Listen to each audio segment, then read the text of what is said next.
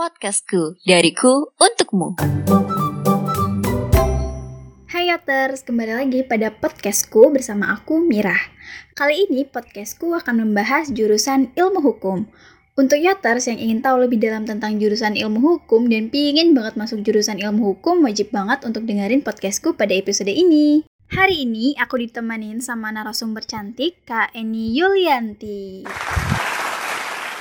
Hai Kak, Hai juga Kak, dan hai para users yang lagi dengerin podcast kali ini. Nah, bisa perkenalan diri dulu Kak, biar Yoters juga tahu nih siapa pembicara kita kali ini.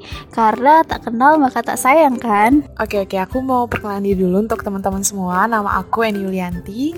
Aku jurusan Ilmu Hukum di Fakultas Hukum Universitas Soromadewa. Saat ini aku masih mahasiswa aktif semester 6 dan angkatan aku angkatan 2018. Nah, kalau boleh tahu, kesibukan Kak Eni belakangan ini apa aja sih?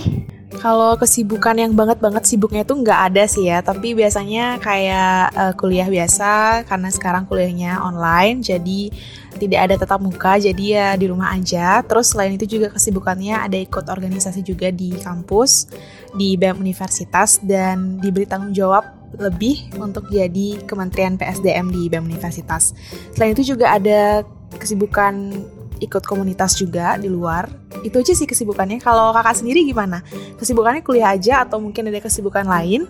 Kesibukan aku belakangan ini kurang lebih sama kayak kakak, yaitu kuliah, persiapan KKN, dan melaksanakan kegiatan-kegiatan di komunitas Yot. Oke kak, kita lanjut aja ya ngobrol seputar jurusan ilmu hukum. Nah, sebelum masuk jurusan ilmu hukum, skill apa aja sih Kak yang harus dipersiapkan oleh Yoters? Kalau misalnya skill yang harus disiapin untuk masuk ke fakultas hukum sih, menurut aku, aku selama kuliah dan sampai hari ini di jurusan hukum itu, skill yang pertama yang harus dimiliki itu adalah berani. Dulu dosen aku pernah bilang kalau sebagai seorang mahasiswa fakultas hukum, kalian tuh harus punya keberanian untuk berbicara. Hanya itu yang bisa dijual sebagai seorang mahasiswa fakultas hukum. Itu yang pertama. Yang kedua juga kalian harus punya skill untuk peka. Peka terhadap lingkungan sekitar, peka terhadap permasalahan isu yang saat ini ada ataupun yang mungkin akan ada ke depannya. Jujur aja ya kak ya, aku tuh bukan orang yang peka di awal-awal aku masuk ke jurusan ilmu hukum ini. Tapi ketika aku belajar hukum, aku dipaksa dan harus untuk peka hal-hal tersebut. Dan memang benar juga, kenapa kita harus peka? Karena itu yang akan menjadi bahan pembelajaran kita di Fakultas Hukum. Selain itu juga, jujur kalian harus tahan untuk uh, punya ketahanan untuk punya menulis tangan yang uh, punya ketahanan untuk tulis tangan intinya itu sih yang harus kalian punya selain kalian baca banyak jurnal, baca banyak buku hukum. Oh ya, kalian juga harus uh, mau untuk membaca buku dan juga jurnal karena uh, mungkin ada yang bilang aku males ah kayak eh, baca-baca buku juga jawabannya udah ada di Google. No, it's a big no karena dosen aku bilang sebanyak apa pun materi yang bisa kalian download di Google dan pelajari dari Google, kalian harus punya buku bacaan hukum. Dan untuk teman-teman yang mau masuk ke jurusan hukum, kalian wajib punya buku bacaan hukum uh, baik itu mata kuliah ataupun KUHP dan juga KUHPer-nya nanti. Gitu sih, Kak. Nah, itu dia ya ter skill yang kalian harus persiapkan sebelum masuk jurusan ilmu hukum ada keberanian, kepekaan, dan kalian harus rajin-rajin baca buku hukum, yaitu KUHP dan KUHPer.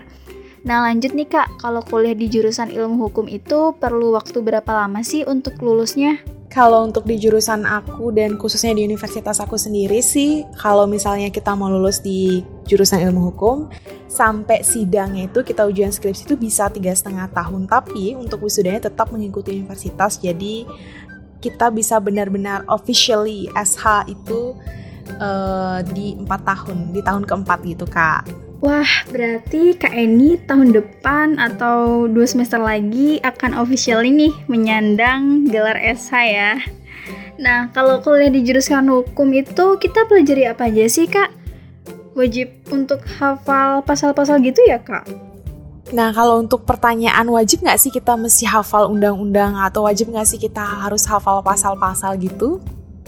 Jawabannya, kita bakal belajar tentang pasal-pasal apalagi kita bakal banyak banget belajar tentang unsur-unsur dari pasal-pasal tersebut kita cukup mengetahui undang-undang, kita cukup mengetahui pasal, tapi kita juga belajar kok tentang unsur-unsurnya nanti.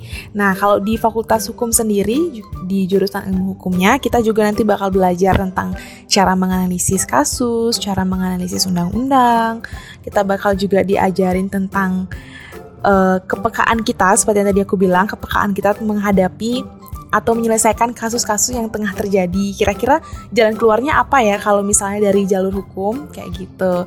Kita juga bakal belajar banyak banget tentang cara berbicara gitu. Karena di Fakultas Hukum sendiri tentunya kita harus punya nilai untuk nilai lebih ya untuk berbicara dan komunikasi yang baik karena nantinya kita siapa tahu nih yang ada yang mau jadi pengacara tentunya kita harus punya komunikasi yang baik untuk kita bicara kepada klien-klien kita nantinya. Gitu sih kak. Nah, selain pelajaran yang tadi kakak jelaskan nih, apa ada ujian atau proyek khusus yang dikerjakan oleh anak hukum? Kalau untuk ujian khusus untuk mahasiswa fakultas hukum di universitasku sih nggak ada ya, tapi biasanya dosen-dosen itu ngadain banyak banget penelitian yang bisa melibatkan mahasiswa fakultas hukum. Nah, ini bisa jadi kesempatan untuk teman-teman nanti yang mau join di atau jadi anak hukum yang atau yang sedang saat ini sedang menjadi anak hukum.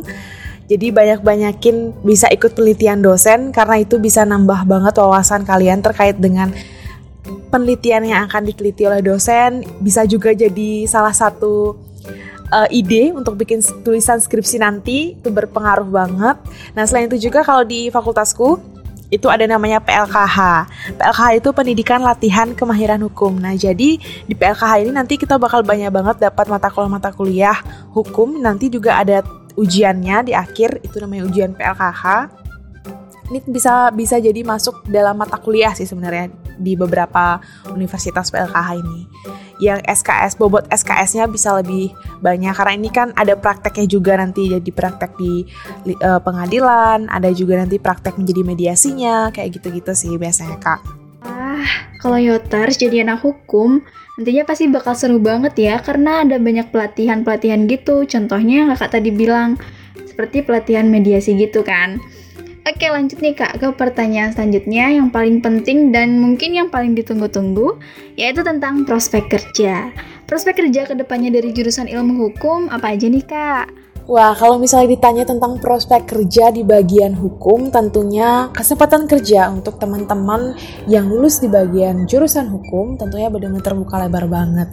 Untuk yang umum-umum yang orang ketahui, biasanya kan uh, jurusan fakultas hukum pasti kerjanya di pengadilan, di kejaksaan gitu, sebagai hakim, jaksa, sebagai pengacara mungkin punya law firm nanti, dan juga bisa juga menjadi notaris. Nah, tapi di dunia nyata, di dunia kerja, di perusahaan, di kementerian pun orang-orang yang memiliki latar, memiliki latar belakang sebagai mahasiswa fakultas hukum sangat dibutuhkan kemampuannya di bidang hukum. Misalnya sebagai staf legal atau legal corporate di suatu perusahaan, menjadi staf kementerian di bidang hukum juga tentunya bisa teman-teman.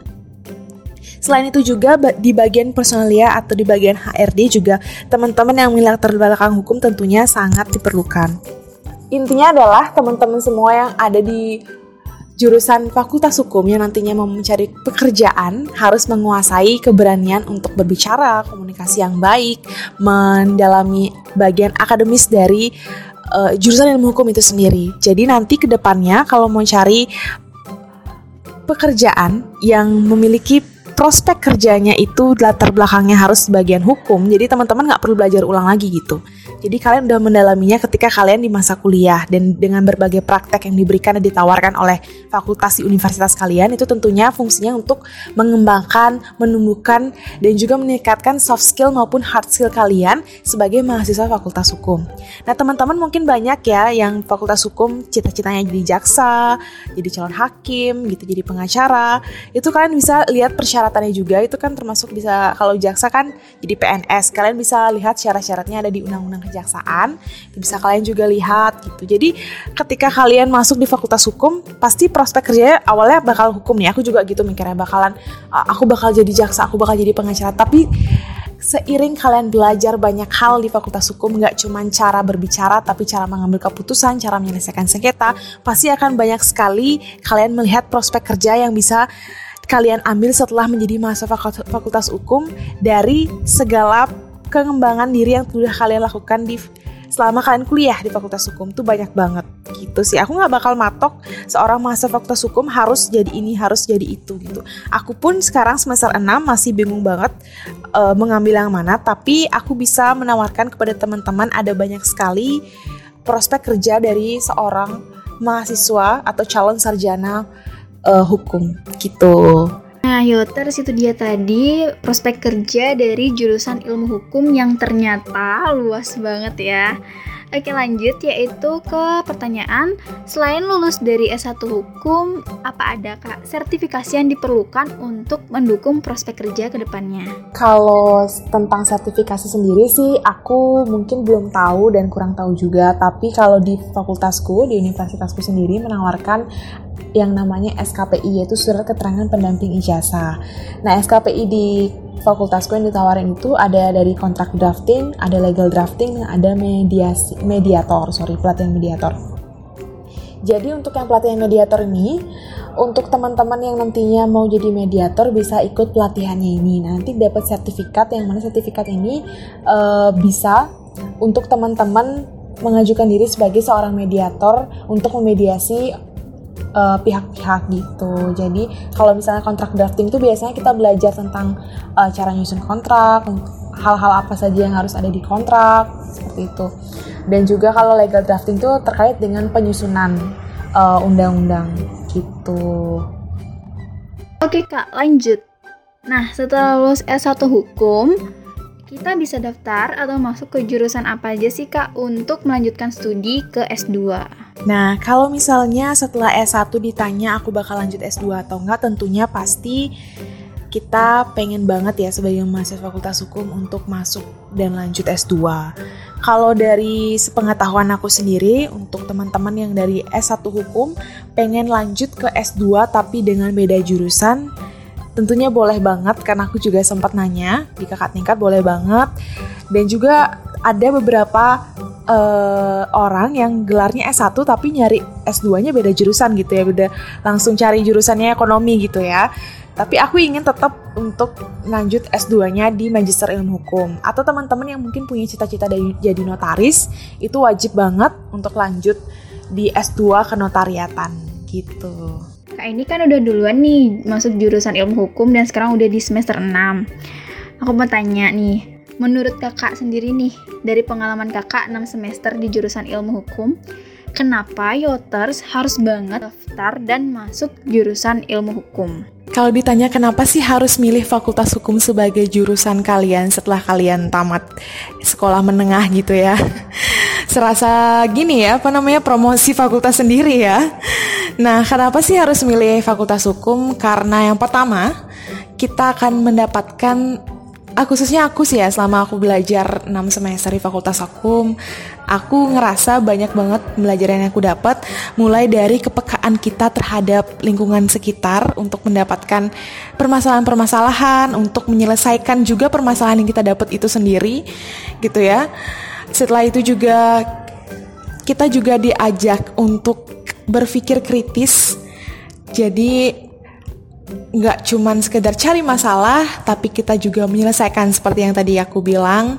Terus kita juga banyak banget hal-hal kayak misalnya kita harus ngambil keputusan di saat mendesak itu benar-benar uh, diajar juga.